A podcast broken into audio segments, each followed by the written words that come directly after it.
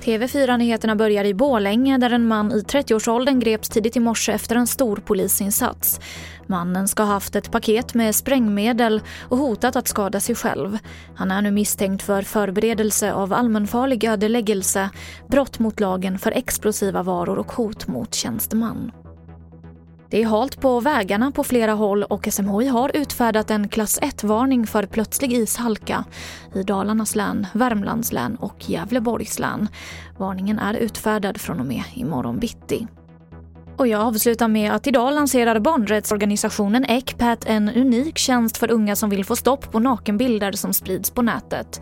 Idag är det vanligt att unga tar nakenbilder på sig själva i mobilen. Bilder som sen kan få en helt okontrollerad spridning på nätet vi har sett det i vår hotline som är en anmälningssida dit människor kan anmäla misstänkt barnpornografi. Eh, och där ser vi fler och fler bilder som barn och unga har tagit på sig själva som sprids på sidor för förövare.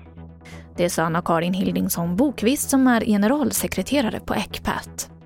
Och det var det senaste från TV4 Nyheterna. Jag heter Emily Olsson.